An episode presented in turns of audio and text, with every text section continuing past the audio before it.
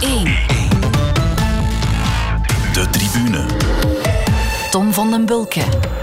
Hallo, een gelukkig nieuwjaar voor jou, beste luisteraar van de tribune. En dat 2022 opnieuw een Grand Cru sportjaar mag worden met veel stof tot discussie. Druk wordt het in elk geval met heel veel sport, net als in 2021.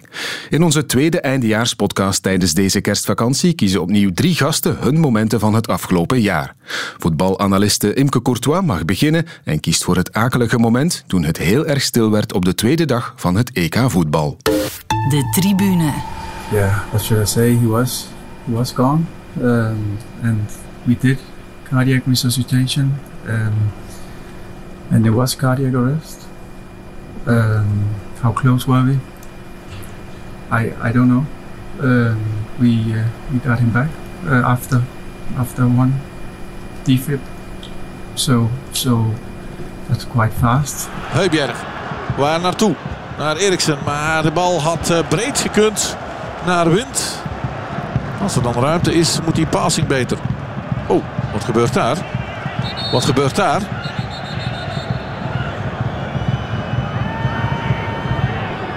Dat is eh, een vreselijk beeld. Wat we daar te zien krijgen... is dat Eriksen die daar is gaan liggen. En het wordt heel erg stil. Dat is een beeld dat door eh, het lichaam geïerd wordt. De ogen van Christian Eriksen. En hij eh, moet op het veld gereanimeerd worden. Christian Eriksen. Per Vrieman zit hier naast ons. Deense commentatoren. Met de tranen in de ogen evenzeer. Keer bekommert zich nog steeds om de dame aan de overzijde. Is dat de vrouw van Christian Eriksen. En dat zijn uh, beelden die je niet, die je niet, die je niet wil zien. Denemarken-Finland gestaakt na de vermoedelijke hartaanval van Christian Eriksen. We keren terug naar onze commentator die de wedstrijd volgt, Bert Sterks. Ja, eerst over die foto waarover ik het uh, daarnet had in het gesprek met Anthony van Loo. Een foto die wijd circuleert ook op het internet. En blijkbaar genomen op, op het moment dat hij vanaf het veld naar binnen werd gedragen. Ja, inderdaad. En daar zie je wel op dat zijn ogen open zijn en dat hij zijn hand ook op zijn voorhoofd heeft liggen. Dus dat zijn toch alleszins uh, hoopgevende beelden of een hoopgevend beeld. Ik denk dat we best uh, kunnen afsluiten, mensen. Want uh, we zullen wel een signaal krijgen vanuit de UEFA wat er gaat gebeuren. Maar uh, voetballen, nee, dat hoeft hier toch niet meer vandaag. Ja, ja, er wordt weer gevoetbald inderdaad. Vijf minuten voetballen we in de eerste helft tussen Denemarken en Finland. Met een dubbel gevoel uiteraard. Al uh, las ik zo net dat Christian Eriksen van op zijn ziekenhuisbed heeft gesproken met de spelers van uh, zijn team. Misschien heeft hij ze zelf wel wat opgepept en gezegd van speel maar jongens, het gaat goed met mij. Veel tranen voor de wedstrijd. Ik denk voor mij dat het heel moeilijk was om te focussen voor deze wedstrijd. Uh, maar niet alleen voor mij, voor Toby, uh, Jan, Nasser was het een beetje moeilijk. Want we kennen hem heel, heel goed. Ik hoop gewoon dat hij terug gezond geraakt, want hij heeft twee jonge kinderen. En uh, zijn kinderen hebben hem nodig. Hij wij ook als, als ploeg. Maar dat is een beetje egoïstisch, maar ik wil gewoon dat hij terug gezond is.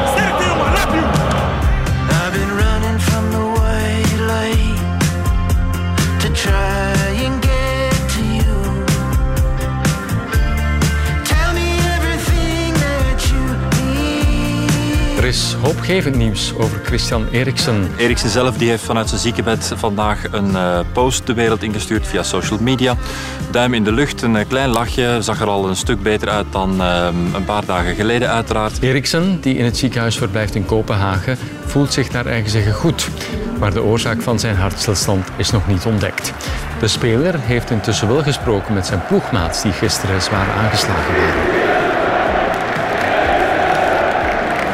Ja, dat was toch wel een, een heel erg spannend moment.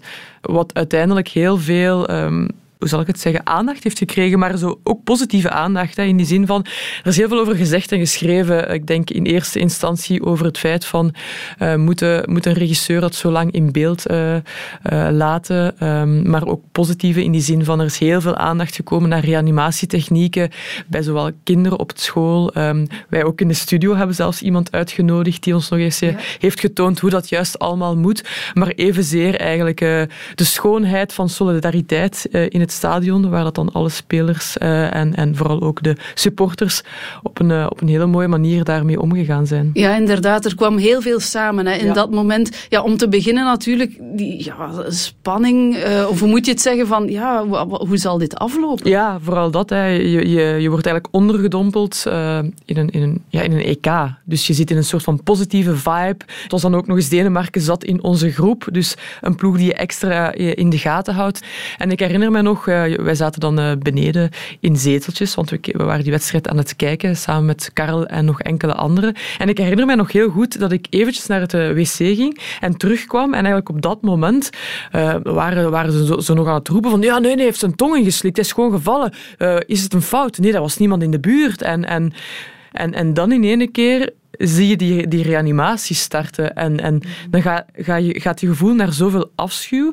En, en is dat er nooit totaal niet meer belangrijk. Je denkt dan echt van, dit EK hoeft zelfs niet meer verder te gaan als dit uh, op een slechte manier eindigt. Ja, ja, want dat was het gevoel algemeen wel, denk ik. Hè. Zeker stel dat dit ja, helemaal slecht afloopt ja, dat EK hoeft niet meer. Nee, tuurlijk. Ik, ik voel echt heel veel. Dat is heel, heel vreemd, hè, want je, je gaat in een, in, over in een totaal ander gevoel. En, en ik voel heel veel boosheid ook uh, telkens als ze tussen die benen af en toe nog eens een beeld probeerde op te vangen van uh, Eriksen die daar op de grond lag.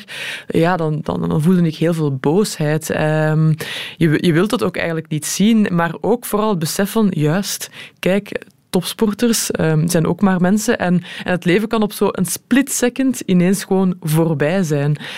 En, en dan denk je, van, ja, wat, wat, wat zitten we hier eigenlijk al, allemaal te doen? En, en voetbal wordt er nog eens opgeklopt als belangrijkste zaak in de wereld op dat moment. Maar het is zo'n grote bijzaak op zo'n moment. Ja.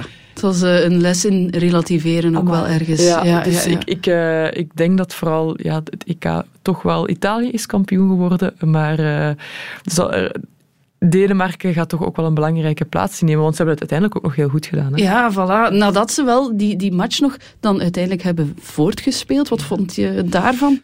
Ik vond dat ook een hele moeilijke. Hè. Um, opnieuw denk ik dat dat uh, niet het allerbeste idee was. Um, ik denk dat het zelfs nog geen het was een dikke twee uur later al dat die wedstrijd uh, al sinds dezelfde dag nog werd gespeeld. En dan denk je van, ja nee, wij zijn al onder de indruk. Laat staan die spelers die op het veld uh, stonden en, en dat zien gebeuren.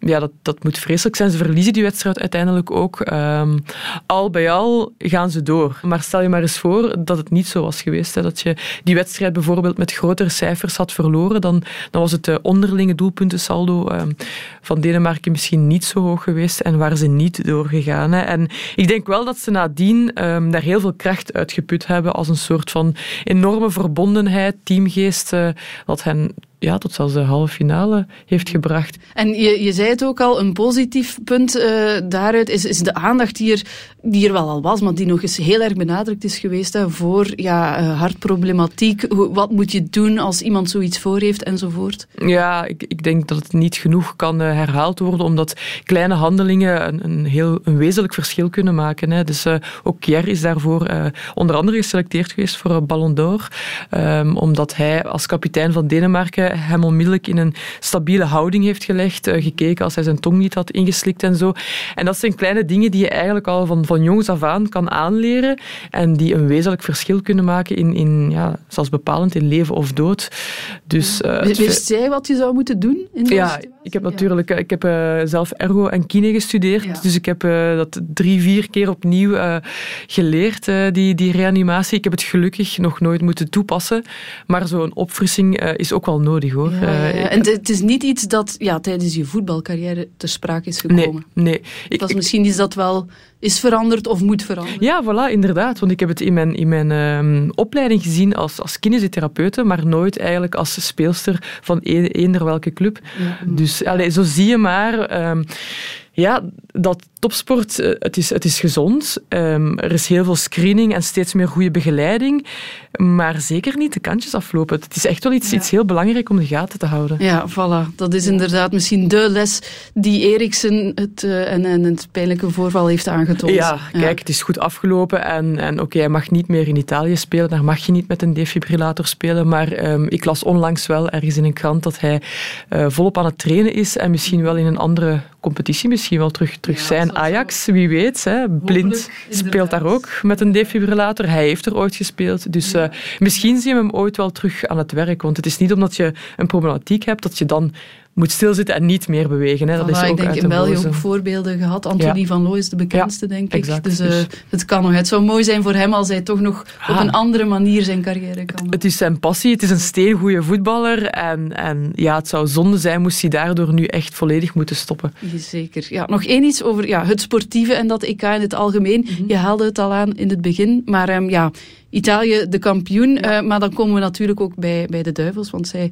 verloren van die latere kampioen. Eerst over de Rode Duivels. Ja, dat EK ook bij jou achteraf mm, had iets meer mogen zijn? Of, of nee? Ja, ja tuurlijk. Uh, je, je wist wel dat dat geen makkelijke op, allez, opdracht ging, ging worden. Maar ik ben sowieso qua persoonlijkheid al een, een, optimist. En ik vind het dan ook wel leuk om, om in dat gevoel mee in te stappen. Net zoals die spelers, hè, het, het hoogst mogelijke proberen te bereiken. Um, ja, die groepsfase 9 op 9 ging vlot. Maar je weet dan ook, oké, Portugal, al een eerste moeilijke klant. Um, met de hakken over de sloot. Maar dan denk je van, kijk, dit doen de Belgen goed. Ooit was het van, ze hebben heel veel kwaliteit. Maar die efficiëntie voor een groot toernooi te winnen, hè, ontbreken ze. Hebben ze wel getoond tegen Portugal. Ja, en dan Italië. Italië ik, vond het heel opvallend, want natuurlijk, ze hadden pas een groot toernooi gemist. Um, zij waren in volledige opbouw toen. Maar je zag eigenlijk van de allereerste wedstrijd van poef, zoveel kwaliteit, um, snelheid in het spel. Ja, je voelde dat, dat het gewoon uh, een hele moeilijke opdracht ging worden. En als je dan weet dat, ze, dat de Rode Duivels zijn gestrand in de kwartfinales dan vind ik dat toch wel jammer. Ik, ik, ik, moet dat eerlijk bekennen. Je had een klein beetje meer verwacht, maar op zo'n toernooi, dat, is, dat zijn zoveel factoren die tellen. Dat zijn blessures, Kastanje die daar uitvalt, Kevin De Bruyne die daar met eigenlijk een blessure heeft gespeeld. Ja, Ede Hazard zit momenteel in een sukkelstraatje nog steeds. Dus wie weet wat gaat dat worden voor het WK in Qatar. Er zijn zoveel factoren die belangrijk zijn. De tegenstanders tegen wie je uitkomt ja, dat, dat misschien ook wel extreem optimistisch is om maar op voorhand te zeggen van onze Rode Duivels worden Europees kampioen of onze ja, Rode Duivels worden wereldkampioen. Nee, je, je weet niet hoe zo'n toernooi um, gaat, gaat uh, verlopen. Maar één iets misschien... Um, het zit ook wat in die Netflix-documentaire nu ook over uh, Italië. Maar, maar wat ook wel al na de match meteen gezegd was, was van ja, die, die grinta, dat, dat verbetenen, uh, dat, dat, dat het nog veel meer willen of dat was toch misschien een indruk dat dat veel meer bij Italië zat, of, of meer bij Italië dan bij de Duivels? Dat is natuurlijk altijd de indruk die je hebt bij, bij de ploeg. Um, ja, die je ziet winnen. Hè. Het, is, het is namelijk altijd zo dat de ploeg die wint, daar heb je altijd betere gevoelens over. Maar ik denk ook wel dat je niet mag onderschatten dat Italië daarin gestapt is als meer underdog dan, dan de Rode Duivels, waar nu toch wel heel wat jaren heel veel van uh, verwacht wordt. En terecht ook, want ze hebben een, een hele goede generatie gehad die nu stilletjes aan op zijn einde loopt. Dus nu is het ook een beetje beven en bibberen van gaat het weer, al, gaat het, weer het verhaal worden van net niets, terwijl we nu zo'n goede generatie hebben gehad en de twijfel van hoe lang gaat het nog duren voordat we zo'n goede generatie hebben. Maar eerlijk gezegd, ik ken de jongens niet persoonlijk, maar het zou mij verbazen moesten zij zelf niet die eager, die wil hebben om, om, om een goed resultaat neer te zetten. Daar kan ik mezelf niet van overtuigen. Dus ik denk echt wel dat die jongens um, alles hebben gegeven wat zij op dat moment uh, gevoeld hebben en hadden. Bij Italië vielen de puzzelstukken gewoon veel beter in elkaar en zij, zij hebben echt gewoon een heel goed toernooi gespeeld. Soms moet je gewoon je betere durven uh, erkennen. Van het EK voetbal naar de Olympische Spelen dan, samen met de Ronde van Frankrijk, een hoogtepunt van de sportzomer. Ook voor Imke Courtois, die elke dag in de weer was als presentatrice in de Sportza-studio.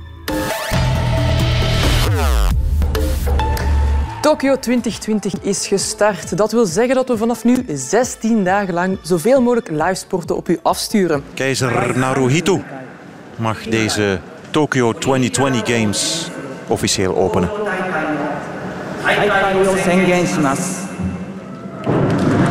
En ze staat nu bij ons, de tweevoudige Olympische kampioene. Nafitiam, mes félicitations pour la deuxième fois championne olympique, pour la deuxième fois consécutive. Ça, ça donne quelle sensation? Ouais, c'est, c'est fou, je crois que j'ai encore euh, du mal à réaliser. Ça va me prendre euh, du temps, mais en tout cas, je suis vraiment fière de ce que j'ai fait ici. Et euh, ces deux dernières années aussi. Désolée. Ah, C'est quelque chose de, de très émotionnel. hein. Ouais, ouais, et puis je pense que aussi mentalement, je suis fatiguée, donc euh, je suis juste euh, vide.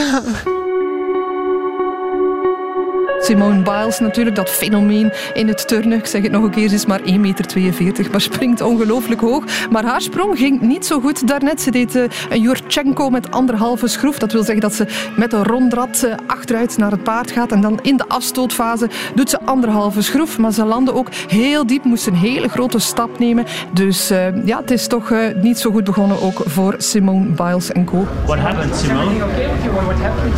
Yes, sorry, sorry. I think I'm just dealing with some things internally. Don't want to say too too much, but we're gonna figure it out, and we have a couple more days, so it won't be the last. Eh, wel, Simone Biles, ja, die eh, ehm, is nog wel in de zaal. Ik zei daarnet dat ze de zaal had verlaten, maar blijkbaar is ze dan toch teruggekomen bij de ploeg. Wel een trainingspak aan, dus ze gaat normaal gezien niet meer turnen. En eh, ik lees nu overal dat het toch geen blessure zou zijn, hoewel ze daar wel met een ingetapte voet zit na die sprong. Maar dat er mentale problemen zouden zijn bij Simone Biles.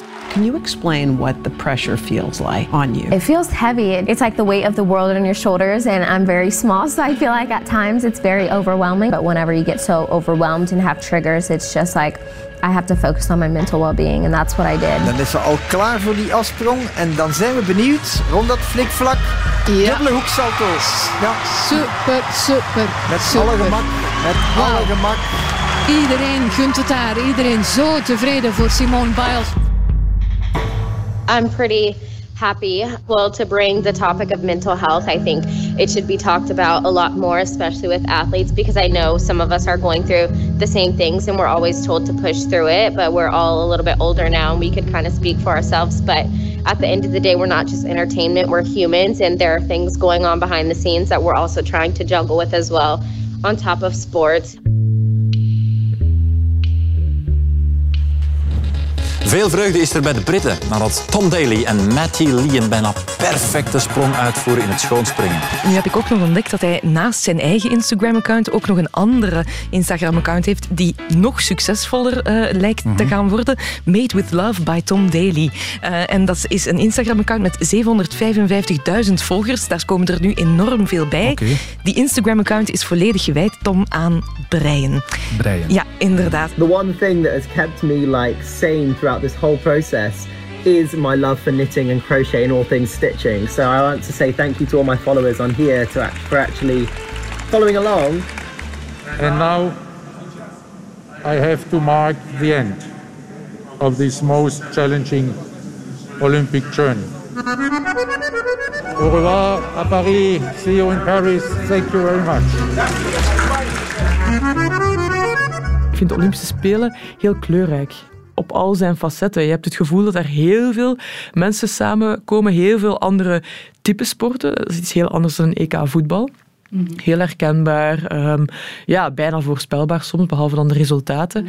Maar bij de Olympische Spelen is er veel meer diversiteit. En, en dat vond ik er zo leuk en verslavend aan zelfs bijna. Verslavend, oké. Ja. Dus eh, het is iets, het laat je niet meer los nu je het echt hebt leren kennen. Ja, en daarom niet alleen de Belgen, hè, uiteraard. Als, als Nina Derwaal haar oefening deed, dan, dan zat ik mee in de regie, eh, semi-sierlijk, eh, die oefeningen mee te doen eh, en, en dan te juichen, maar dan onmiddellijk de twijfel in mijn gezicht van, was die landing nu goed of niet?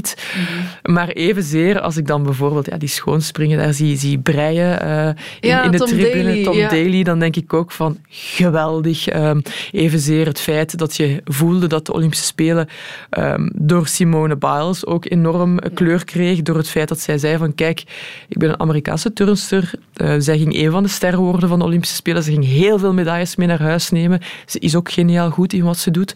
Maar zij zei van nee, kijk, ik voel, ik voel twijfel. Ik voel mij niet goed. Eh, heel veel druk.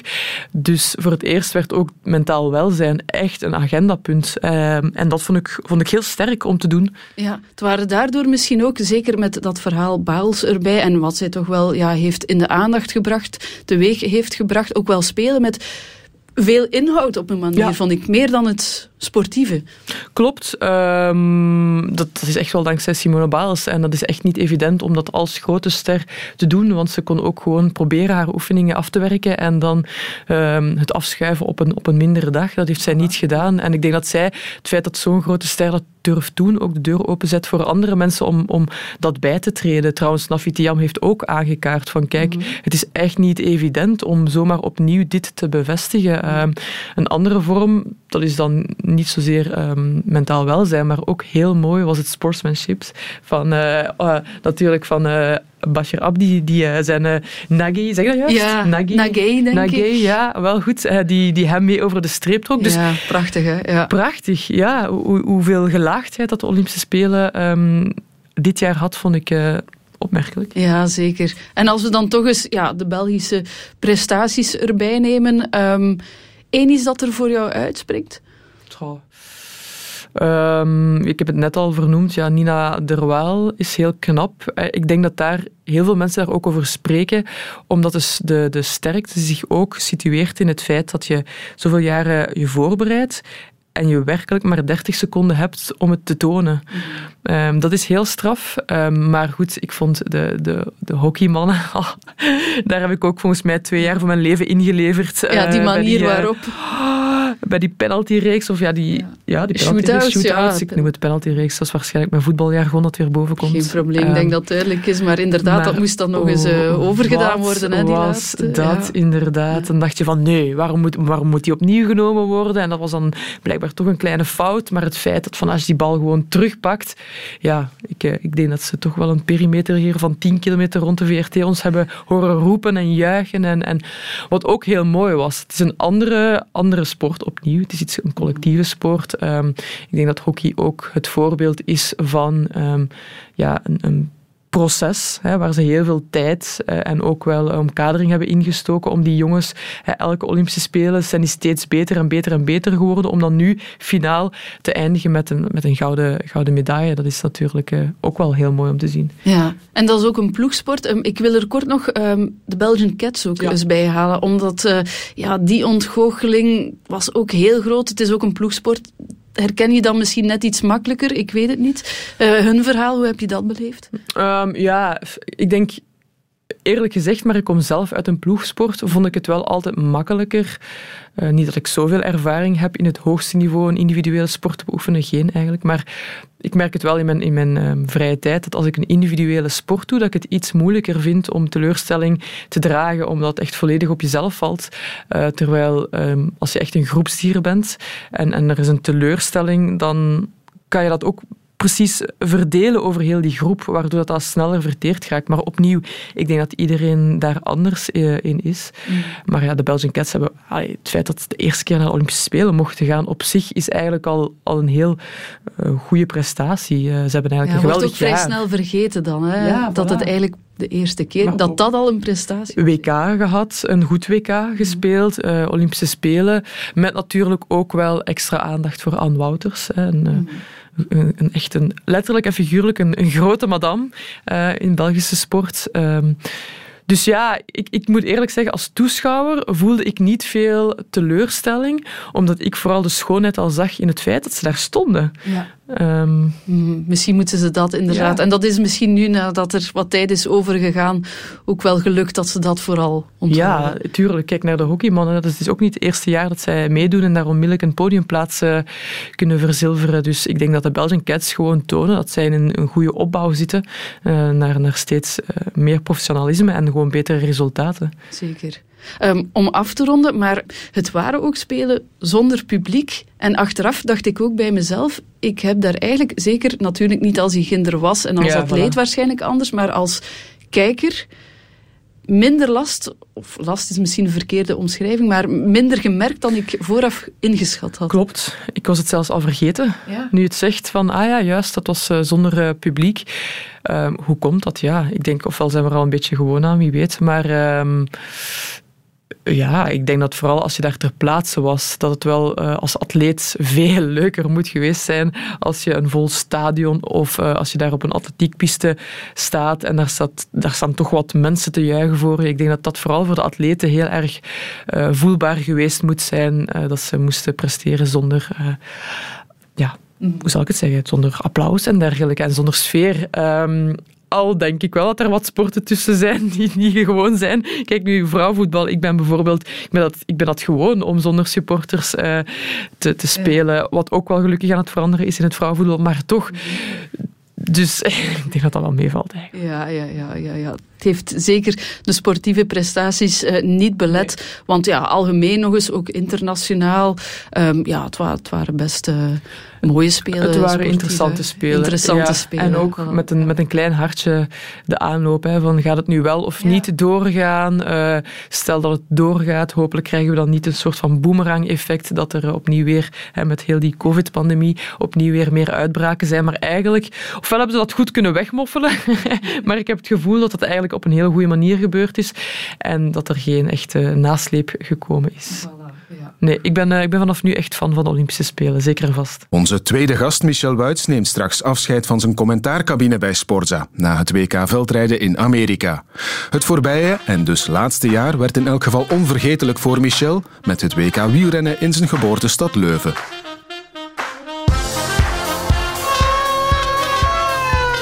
die supporters hier van Forza Lampers, dat zijn de luidste, dat zijn de luidste, ja, dat zijn de luidste. Dat hoor je wel, hè? Ja, iedereen, iedereen kaas, hè. Ja, schitterend, hè.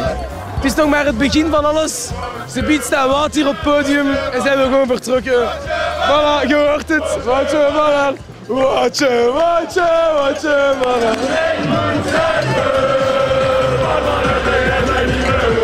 Het moet een hel zijn voor de oren van de renners, dit stadscircuit van Leuven. Ook een droom natuurlijk, daar komen ze nu boven. En de Belgen pakken de koers hier in handen.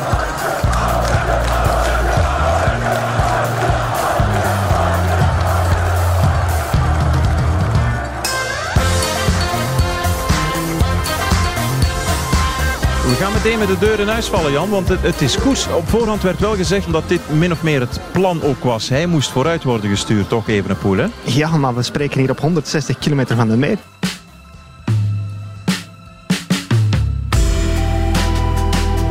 Commando van Wout van Aert aan Evenepoel. Rijden, rijden, rijden. Wordt dat gat tergend traag. Groter en groter. En in het peloton wordt er al maar meer gekeken en breed uitgewaaierd. Ze zijn vertrokken met alle grote mannen erbij. Qua inzet 7 op 10. Ze hebben zich allemaal ongelooflijk gesmeten. Ja. Ja. Dat is meer uit paniek van... Ik, ik mag zeker geen fout doen. Ik, moet, ik mag niet bij degene zijn die, die, die iets fout gedaan heeft. Hm. Maar, maar, zo win je geen koersen. Hè. Koersen win je met denken, stoppen met trappen, trappen, kijken, concurrentie gebruiken door de omstandigheden. We zijn veel te gretig en dat zeg ik tactisch 5 op 10. En hoeveel punten krijgt de bondscoach? 5 op 10. 5. Tweede aanval, tweede bom op die wijnpers van Alaphilippe. Nu moet Wout zelf komen met een groot mes van achteruit. Ja, want ook Van der Poel zit bij Van Aert van achter te krabbelen. Just another one. Nadia. Gaat hij weer. Alaphilippe. Dan gaat hij weer op het andere laantje. Gaat hij er nog eens een klets op geven? Hoe goed is die? En ze passen allemaal. Hè. Goed. Ze zijn het allemaal beu. Hè. Oh ja, ja, ja, ja, ja, ja, ja, Op de Sint-Antoniusberg, de kortste van het gezelschap. En de Belgen, ze blijven aan het zadel geplant.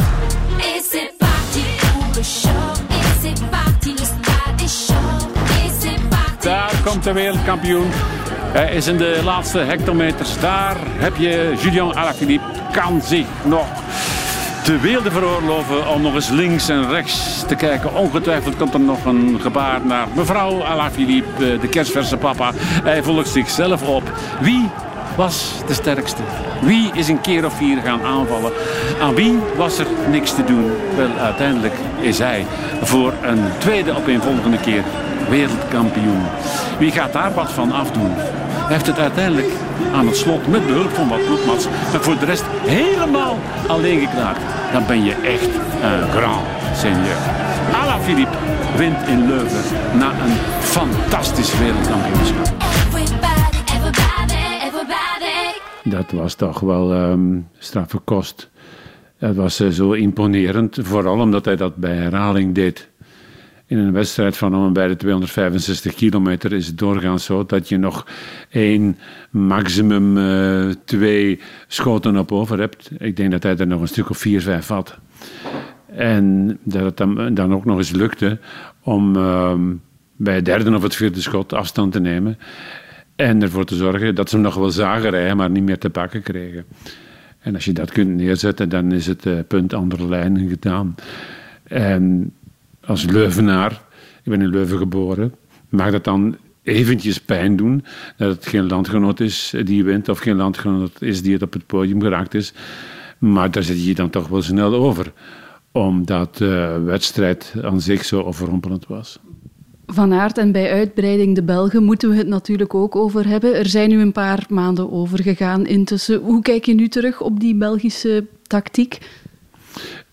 Die uh, tactiek van de Belgen die is wat uh, door de mangel gehaald, is wat in de soep gedraaid door die van de Fransen. Dat is in grote mate vergeten bij de evaluatie.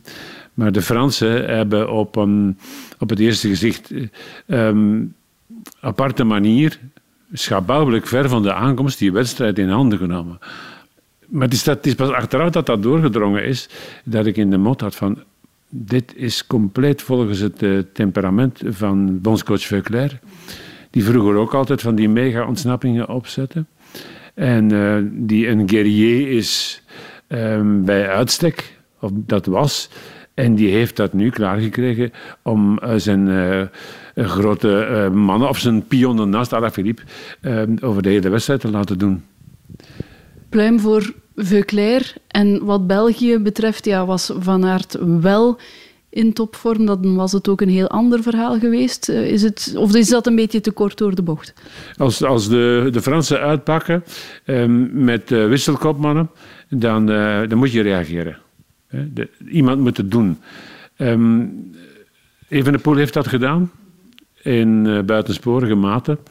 Waarom heeft hij dat gedaan? Wel, mijns inziens, omdat hij, eh, zoals de Fransen dat willen zeggen, veut se mettre en évidence. Hij wil, um, vermits hij niet aangeduid is als uh, koopman, wil hij toch wel laten zien wat hij allemaal kan. En heeft hij dat misschien wel wat te nadrukkelijk willen doen. Over um, nagenoeg de hele duur van de wedstrijd door. Um, wellicht wat misnoegd, omdat hij ook op de laatste vergadering, uh, doorgaans de dag ervoor of uiterlijk twee dagen ervoor, geen go gekregen had om zijn eigen zin te doen van de bondscoach van Tournout. Um, en dan heeft hij besloten van oké, ik ga me dan opofferen, maar ze zullen het wel geweten hebben. Ik ga um, een wedstrijd rijden waar men nog gaat over uh, napraten, die nog wat zal nazinderen. Um, of dat met de achterliggende de gedachte was van ik ga me helemaal stuk rijden voor mijn koopmannen van Aert en uh, Stuyven. En tegelijkertijd doe ik dat ook voor Alaphilippe. Want dat is mijn ploegmaat bij uh, Lefevre, bij de ploeg uh, Quickstep. Um, dat weet alleen hij. En dat zal wellicht ook Lefevre weten. Maar dat is gissen, hè. Dat is gissen. Het is wel een feit dat als hij in de straten van Leuven... Um, ontzettend hard doortrapte, dat um, de favorieten aan zijn wiel bleven. Ik zeg wel favorieten. Dat de Belgen daar schijnbaar in een zetel zaten, maar met de Belgen ook nog anderen. Dus u bedoelt, hij kreeg ze er ook niet af? Hij um, heeft er wellicht een paar murwen gereden, maar hij kreeg niet iedereen, niet iedereen um, naar de vaantjes. Dat is duidelijk. En zeker Alaphilippe niet om dat uh, Belgische luik af te sluiten. Ik denk, het was vandaag uh, Jasper Stuyven in de krant zei van oké, okay, uh, Evenepoel van Aert misschien ook net iets te laat gezegd dat hij niet top was, maar dit zal niet blijven hangen in komende selecties. Akkoord? Um, dat durf ik niet met zekerheid te stellen. Um, Evenepoel zal natuurlijk nog geselecteerd worden. Er komen nog wel wereldkampioenschappen aan met uh, zware parcoursen, maar die kan uh, Van Aert ook aan. En er zullen ook nog wel parcoursen komen die uh, zeg maar geschikt zijn voor een type als Jasper Stuyven. Dus het zal toch iedere keer kneden worden, masseren, erop inpraten en, en verdelen. Um, ik wil ook wel eens zien in de confrontaties die in 2022 zullen plaatsvinden, uh, hoe die groten zich uh, met elkaar zullen uh, verhouden. Um, wordt er afgerekend met het feit dat Evenepoel zich niet helemaal naar de ploeg schikte. Eh, dat was toch de mening van Van Aert. Dat was zeker ook de mening van Stuyven, die is dat ook openlijk verklaard. Um, en gaat dat gevolgen hebben? Ik stel vast dat uh, en, um, Van Aert en Benoot, die nu ook nog eens ploegmaat wordt van Van Aert, en Stuiven, dat die het uh, zeer goed met elkaar weten te vinden. Dus zal uh, Evenepoel in datgene wat komt vooral moeten kunnen rekenen op zijn eigen ploegmaat. En niet op een groot deel van het peloton. Dat is ook uh, wat wielersport zo attractief maakt. Hè. Dat is datgene wat er allemaal speelt in de buik van het peloton, wat er in de geesten allemaal leeft. Wie verdraagt wie en wie verdraagt wie niet langer de wielersport boeiend en kan heel mooi zijn. En het was ook een heel mooie WK, want daar wil ik ook toe komen. Het was natuurlijk ook in jouw Leuven met publiek langs de kant, rijen dik. En dat was ja, kippenvel, denk ik. Hè? Ik heb het nooit zo beleefd. Um, ik heb uh, onvergetelijke wereldkampioenschappen gezien, onder meer in Duitama 1995. Dat is Jan Dori al heel lang geleden. Daar had je overenthousiaste Colombianen. Maar je had niet echt Colombianen die bij de profs schitterden. Dus moest hij dat uh, puur uit uh, liefde voor de wielersport doen. Maar dat was ook wel een uh, toneel waarop de blijdschap zegevierde. Maar dat kon niet typen aan wat ik in Leuven gezien heb. Dat kan ook niet typen aan een aantal passages op de heuvels in Overijse.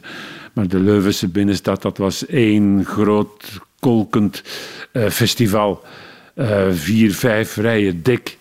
Um, ik ben fier dat ik in die stad geboren ben. En ik, ben, uh, ik was en ik ben nog altijd zeer gelukkig dat ik daar kon over praten. Het zal misschien duren tot Rwanda om uh, iets gelijkaardigs nog eens te krijgen. Um, Wat denk je? De, op de muur van Kigali, um, dat zou ik nu al durven voorspellen, daar ga je gelijkaardige toestanden zien. Maar ik ken natuurlijk dat parcours nog niet. Ik weet niet hoe dat parcours zal lopen over de rest van het uh, traject en hoe het concept zal zijn. Zal er een aanloop zijn, zoals dat nu het geval was? Maar um, er zal zeker enthousiasme zijn. Maar om, het enthousiasme van uh, Vlamingen te evenaren voor het wielrennen, niet alleen op een WK in Leuven, maar ook in de Ronde van Vlaanderen, in de drie Harelbeek in Gent-Wevelgem, dan moet je van straffe huizen komen. Zo. Het, WK in Leuven was ook een hele bijzondere dag, omdat hij mij emotioneel bijzonder geraakt heeft. Uh, ik wist uh, dan al een poos dat het mijn laatste WK zou zijn. Maar die begon wel op een zeer aparte manier. Ik nam plek op mijn commentaarpositie, zat aan mijn desk en tien minuten later ging de deur open en verschenen mijn kleinzoontjes ten tonele in een wereldkampioenentrui. En hadden ze dan ook nog eens een cadeau voor opa bij. Een zelfgemaakte wereldkampioenentrui met daarop... Opa is onze wereldkampioen. Ik weet nog altijd niet hoe ik daar zonder tranen doorheen gekomen ben. Wellicht eh, omdat ik wist dat ik er moest staan de volgende zeven uur.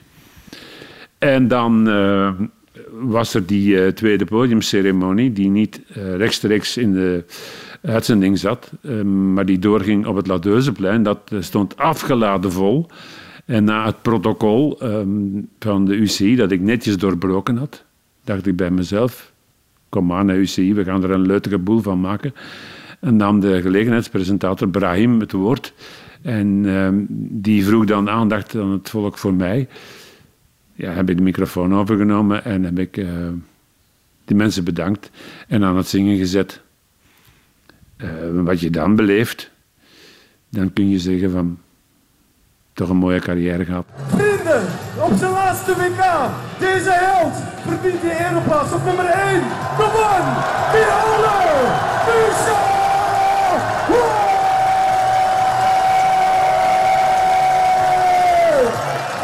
Ze zijn nu We Are The Champions aan het, uh, aan het zingen. En dit plein staat helemaal vol hè, voor de Universiteitsbibliotheek van uh, Leuven. We are the champions.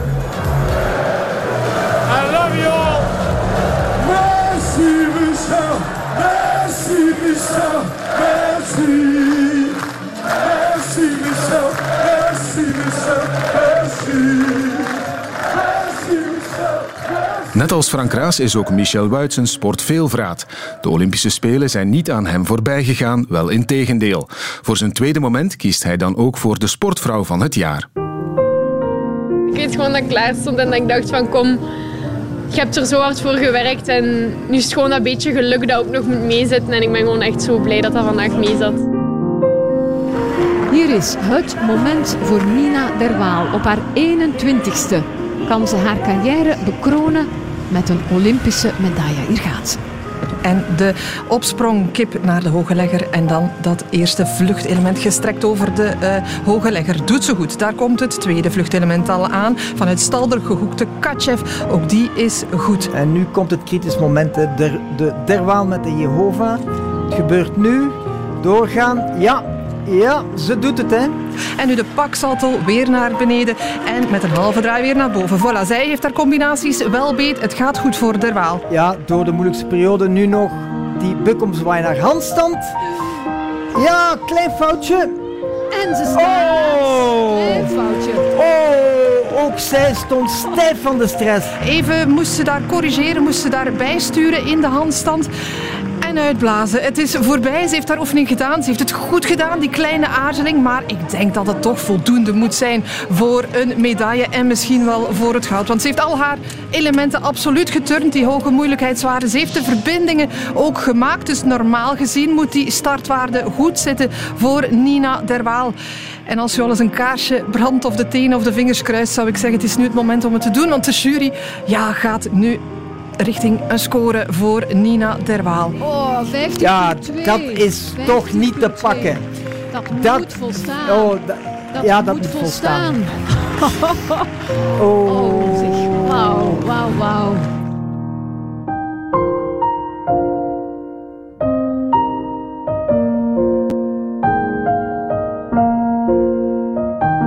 Goh, wat is het spannend.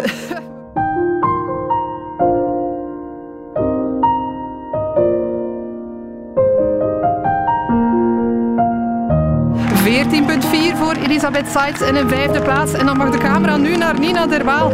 Want we hebben een Belgische Olympische kampioene in het turnen. Goh, wat is ze er blij mee. En wat heeft ze dit verdiend en wat heeft ze het goed gedaan. En we hebben goud. Daar staat het, zwart op wit, Nina Derwaal. Oh, schitterend beeld dit. Ik weet niet, ik ben echt overdonderd. Ik heb echt het gevoel alsof ik nog aan het dromen ben. Maar ah, het is echt gewoon geweldig. Ik had echt redelijk veel stress voor vandaag. En ik heb gewoon geprobeerd met mijn routine te blijven. En ik ben zo blij dat dat gelukt is. Ja, beschrijf eens die 20 seconden. De belangrijkste 20 seconden misschien in jouw leven tot dusver. Hoe ging dat? Ik weet het niet. ik kan me eigenlijk echt niet meer goed herinneren wat er allemaal is gebeurd. Ik weet gewoon dat ik klaar stond en dat ik dacht van kom, je hebt er zo hard voor gewerkt. En nu is het gewoon dat beetje geluk dat ook nog moet meezitten. En ik ben gewoon echt zo blij dat dat vandaag meezat. Ja, dit is voor de eeuwigheid Nina. Ja, Je bent inderdaad. voor altijd Olympisch kampioen. Gefeliciteerd. Dankjewel. Echt waar, gefeliciteerd. En geniet ervan. Ga ik zeker doen. Ik eh, moet een bekentenis doen. Ik heb dat live niet gezien. Oei. Nee. Nee, ik weet al langer van mezelf dat als het eh, om het hoogste gaat, en dat was hier toch wel het geval, als er een zeer hoog verwachtingspatroon gekweekt is, dan red ik dat niet. Dan loop ik liever weg. Ik had dat vroeger al als kind, toen Merckx verondersteld werd te winnen. En dat was namelijk iedere keer zo. Dat ik eh, wegliep en dat mijn moeder me dan verloste van... Dat was vaak op de pot. Eh, kom er maar af, kom maar kijken. Hij wint. En dan zag ik uh, Merckx triomferen in de herhaling. Ik heb die dag met opzet gekozen voor een fietsuitstap met mijn vrouw. En ik heb even nagetrokken wat ervan gekomen is bij een kruispunt. Dan even kijken van, heeft ze het gehaald, dat goud of niet? Ja, precies. precies. Ehm, stiekem aan een rood licht is even gekeken op mijn mobieltje van... Is het zover? Ja, het is zover. En dat is dan toch niet iets dat je live wil beleven? Want veel mensen willen dat natuurlijk wel, hè, die spanning. En dan vooral ja, de uitbarsting, hopelijk, als het dan goed afloopt. Je wordt twee keer verlost. Hè? Ehm, je ziet het dan, het eh, grote nieuws, daar op straat, bij wijze van spreken. Je deelt het met eh, je echtgenote in dit geval. En dan zie je dat achteraf nog een keer of honderd. hè. Ja, je hebt het vaak herbekeken, haar oefening. Oh ja, ja. En uiteindelijk toch wel eh, vrede gehad met mijn beslissing. Maar de Amerikaanse... Ali. Ja. Ehm, die had het dan eh, minder gedaan. Dat was al een vorm van geruststelling. Maar je moet het dan toch nog altijd waarmaken. Hè. En het is meer dan detailzucht. Hè. Het moet eh, qua mentale belasting een verschrikking zijn. Helemaal anders dan wielrennen ook. hè. Zo- Zo'n oefening, ja, wat duurt het? Een paar minuten? Eh, in het wielrennen heb je, als je tenminste een eh, behoorlijke tot een zeer goede dag hebt, heb je wel een aantal momenten eh, waarin je kan herpakken. Eh, je kan met andere woorden gebruik maken niet alleen van je benen, maar ook van je hoofd, van je verstand, van je intelligentie, van je koersdoorzicht. Daar sta je alleen met een toestel. En je moet dat toestel perfect kunnen beheren en ook nog eens je lichaam tot de perfectie dwingen om dat te doen wat je brein vordert.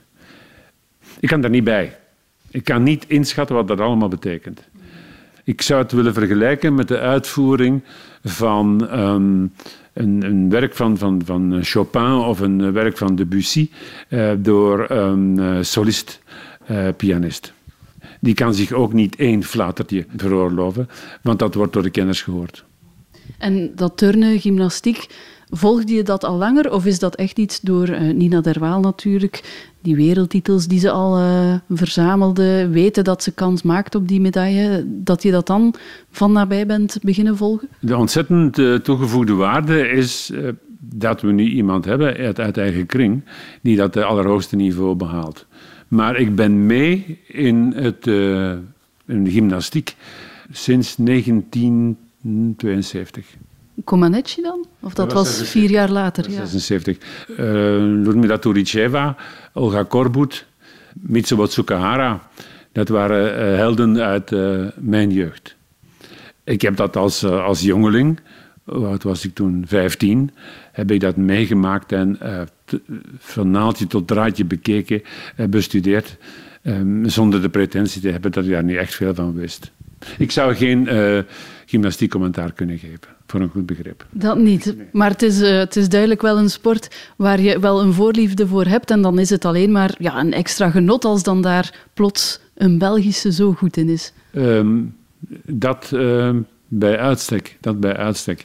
Maar ik denk dat mensen dat op dat ogenblik te weinig beseffen. Het is, je moet al wat jaren op de teller hebben om vol- volkomen te vatten van wat een geluk overkomt ons dat iemand uit de eigen kring, niet zo ver hier van deze regio, dat niveau haalt, het, het hoogste niveau dat haalbaar is.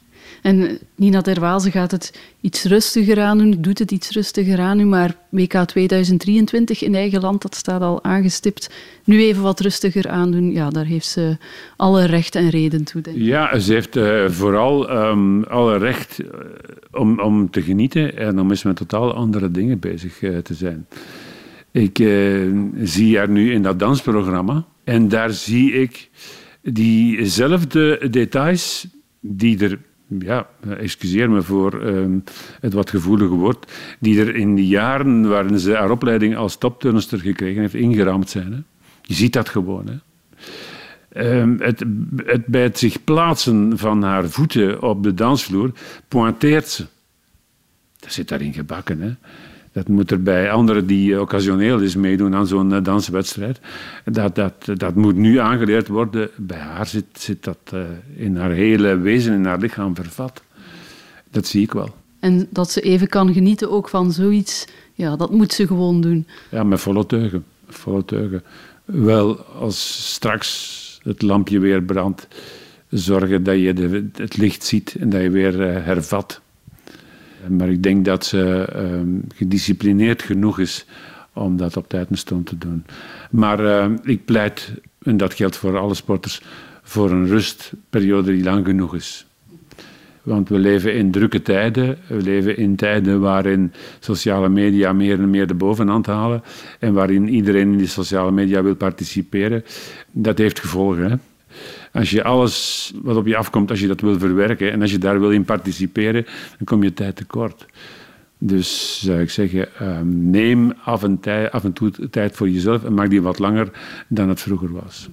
En om af te ronden, je hebt het dan wel niet live gezien, maar dat goud van Nina Derwaal, dat is een van de sportmomenten uit ja, jouw leven. Ja, absoluut.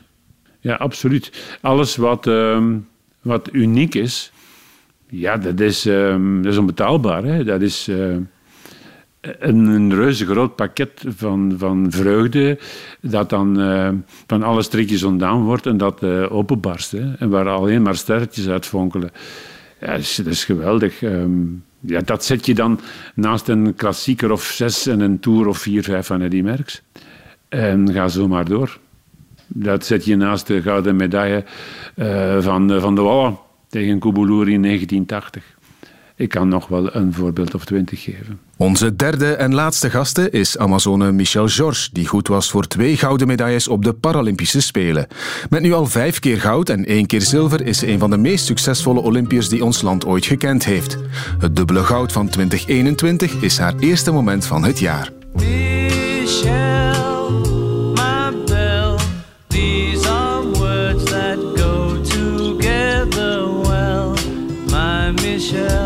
Georges is voor de derde keer op rij Paralympisch kampioen individuele dressuur geworden.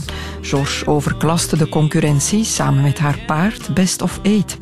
Achteraf was de West-Vlaamse Amazone heel blij met de gouden medaille. Ongelooflijk. Ongelooflijk. Ik ben super fier op mijn paard. Echt waar. Spring nog niet door. Ik heb er zo hard voor gewerkt, voor geknokt. Maar dat lijkt altijd vrij verder dan dat dat is. En het blijft sport. En, en er zijn zoveel factoren die je niet kon voorbereiden. De hitte, de vlucht. Een vrij jonge combinatie met dat paard. Het is, het is fantastisch. Het is fantastisch. Nog meer jij is fantastisch toch. Kom op, Michel. Gisteren heeft men mij gezegd dat ik vrij serieus te paard zat. Dat klopt ook, dan ben ik echt wel geconcentreerd. Maar na afloop, ja, het was, het was fantastisch. Ik heb opnieuw genoten van elke seconde. Ik denk dat ik mag zeggen dat ik een fantastisch paard uh, onder mij heb. Diagonaal in uh, uitgestrekte draf. En als je dan zo'n uh, kampioenschap kunt binnenrijden, ja, dat is power. Hè. Dat, is, dat is fantastisch, ja.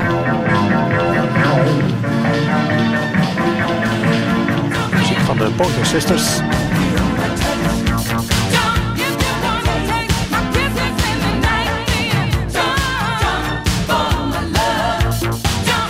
Heb het gezegd, een zeer atypische competitie ook. De hitte, het losrijden. Vandaag was er iets meer wind, dus heb ik iets meer moeten losrijden. Het was iets frisser. Ik weet niet of je erop gelet hebt, maar het was ook iets meer kijkerig. Uh -huh. uh, de omstaanders zeiden, we zien dat niet echt, maar ik voel dat wel. Dus ik had iets meer werk vandaag. Maar desondanks dat, ik ben super blij en ze bood zich ongelooflijk aan. Dus u ziet een happy George.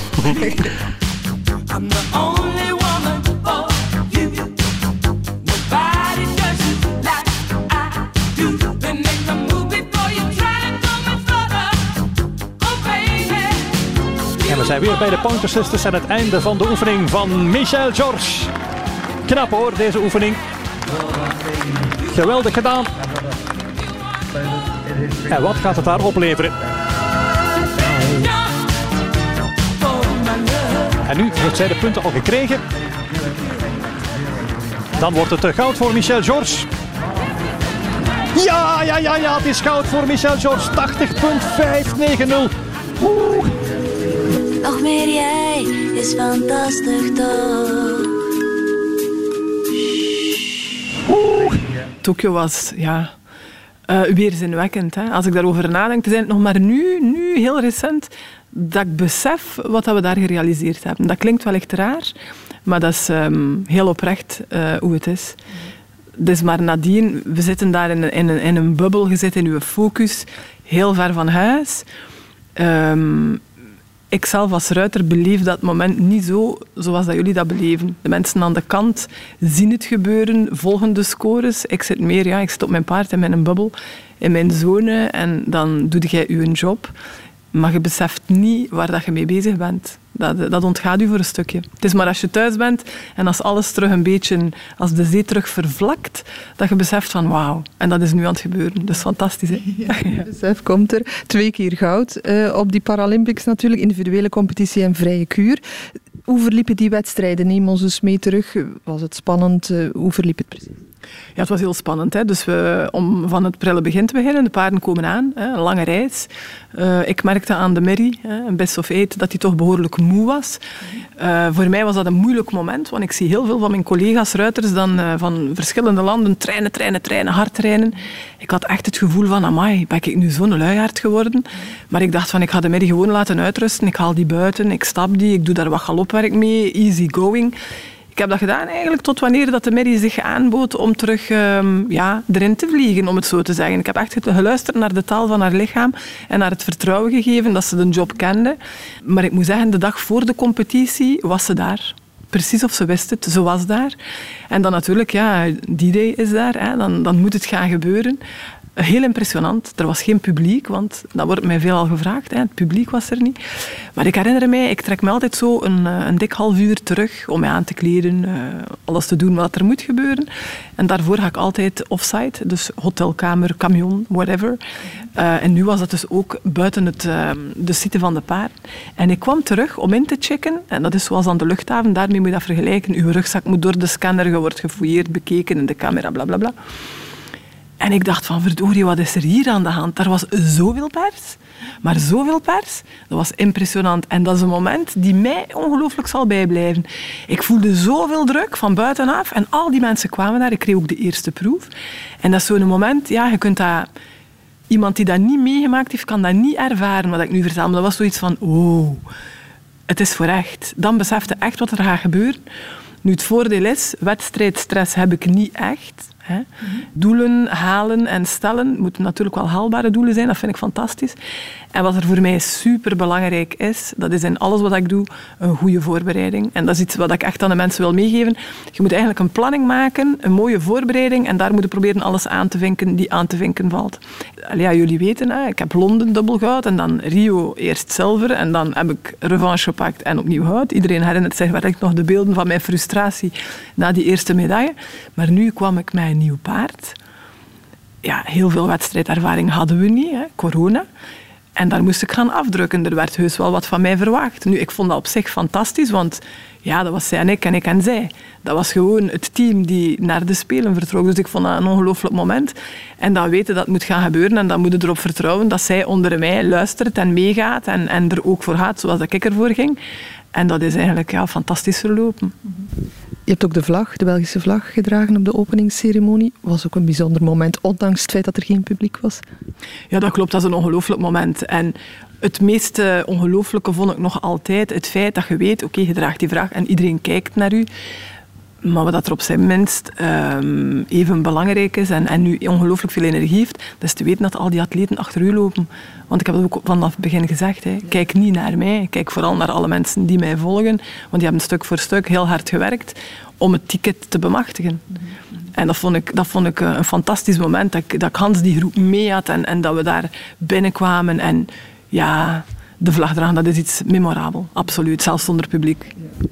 Iets waar veel om te doen is geweest uh, onlangs sinds die Paralympics, het prijzengeld. Hè. Ze gaan het gelijk schakelen vanaf um, Parijs. Um, om, om de vergelijking te maken, een Olympische medaille, een Olympisch goud levert 50.000 euro op. Paralympisch goud tot nu toe 15.000 euro. Um, dat gaat gelijk geschakeld worden. Vindt u dat een belangrijk signaal? Ik vind dat een heel belangrijk signaal, want we spreken altijd maar uh, over integratie. Ik stel mij veel vragen bij die integratie. Is er integratie? Want als je de getallen hoort, dan is er een duidelijke kloof. Ja, absoluut. En ik vind dat niet de juiste boodschap. Ik vind dat heel erg, want um, iedere atleet doet ongelooflijk hard zijn, zijn best. Er komt heel veel bij kijken. Het is een heel moeilijke wereld, hoewel dat de meeste mensen enkel het goud zien. Maar het goud blinkt niet, want zowel financieel, emotioneel als fysiek wordt daar heel veel um, verwacht van atleten. En dan hebben de atleten met een beperking nog een grote rugzak die ze meedragen. Um, dat je niet kunt miskennen. En ik vind het bijzonder jammer dat we spreken voor Parijs. Het is natuurlijk een mooie stap. Maar ik ben daar toch wel, ik heb dat al gezegd, in teleurgesteld dat ze het stellen voor Parijs. Dat is opnieuw drie jaar verder schuiven. Ik had echt gehoopt. We hebben een ongelooflijk seizoen gedraaid. We hebben fenomenale resultaten meegebracht naar huis. Ik denk dat we het daarover eens zijn. En dat waren zo de bekroning geweest, de kers op de taart, dat die, dat die erkenning er ook was ik voel mij zo'n beetje, ja, oké, dat is opnieuw het voor u uitschuiven. En oké, mannen, dat is een lekstok geven, noem ik dat. Het komt eraan. Maar we horen dat al zo lang, dat er gaat een, eh, een bepaalde vorm van integratie zijn. En die komt er niet. En nu is dat opnieuw zo. Dus ik vind dat echt wel teleurstellend, toch wel. Hoe vaak ben jij met je paard bezig eh, op een dag, op een week? Oei, eh, dagelijks. Uh, ik sta op en dat is mijn eerste werk. Ik sta heel vroeg op, hè, rond vijf uur. En dan, mijn eerste werk is mijn paard. En ik train die voordat ik mijn dagtaak begin. Altijd. En dat vind ik fantastisch. De vogeltjes die fluiten. Het mag regenen. Um, het mag regenen zo hard als het wil, maar ja, dat, dat geeft een ongelooflijke boost. Er zijn mensen die gaan lopen, er zijn mensen die gaan zwemmen. Ik ga paardrijden. Ja. Dat is heel mooi hoe je vertelt over die passie. Die Olympische medailles van het afgelopen jaar, waar bewaar jij die eigenlijk? Die staan op mijn bureau. Ja, ik zie die alle dagen. Ja, ja. Tof, hè? Iedere morgen staan we op en iedere morgen is een functie van die spelen. Mensen staan daar soms niet bij stil, maar dat is vier jaar lang en dan is de dag daar. Dus als je dan een medaille meebrengt, dan spreekt het voor zich dat dat toch wel iets betekent. Ja. Dat is kijken naar een medaille waar dat je vier jaar lang gezweet hebt en nagedacht hebt en over gebabbeld hebt en gedroomd hebt. Vooral dat dromen, dat maakt het supermooi. Toch? Niet alleen Michelle George was succesvol op de Spelen, ook haar collega's van het Belgische jumpingteam schitterden in Tokio met een bronzen medaille.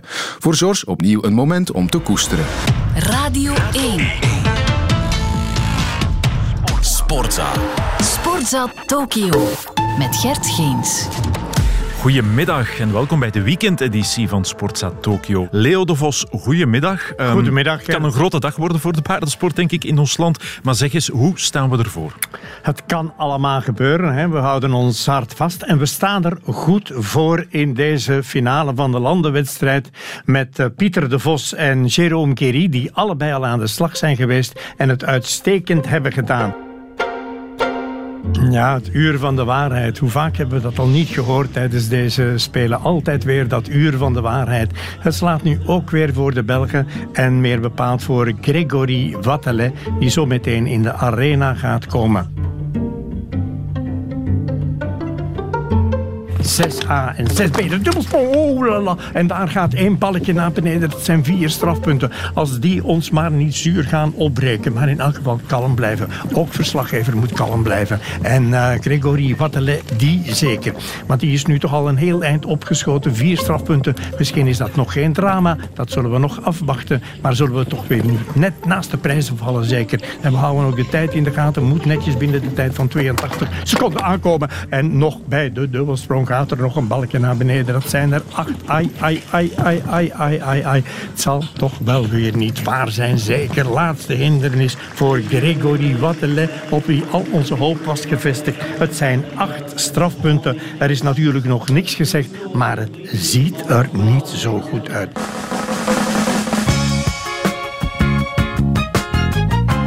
Zij moet het nu gaan afmaken. Deze Penelope Le Prévost met Vancouver, die een beetje aarzelt, die eerste hindernis neemt. Maar natuurlijk, ze weet dat ze zich een foutje kan permitteren. Maar de druk moet bijzonder groot zijn voor Frankrijk. Oei, oei, oei. Zware tik en dan een weigering. Oei.